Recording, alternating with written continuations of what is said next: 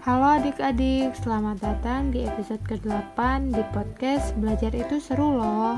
Kak Tessa akan menemani kalian beberapa menit ke depan. Kita akan belajar mengenai kalimat pujian.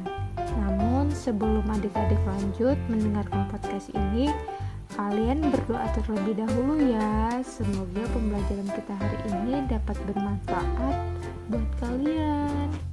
Hari ini kakak akan membacakan sebuah cerita dengan judul Pagi Hari pada Musim Hujan. Pagi hari ini cuaca cukup cerah, matahari bersinar tidak terlalu terik. Benny mengajak teman-temannya bermain di kolam renang.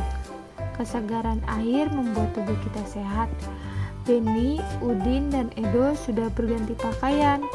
Mereka melakukan pemanasan terlebih dahulu. Mereka menggerakkan badan sambil bernyanyi, pundak dan kepala.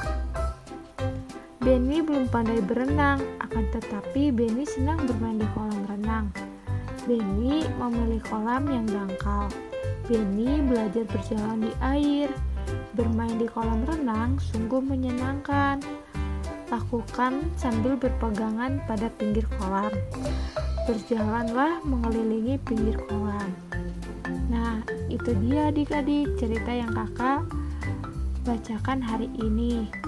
Selanjutnya akan dilanjut di episode selanjutnya. Kakak rasa cukup sampai di sini pembelajaran kita hari ini.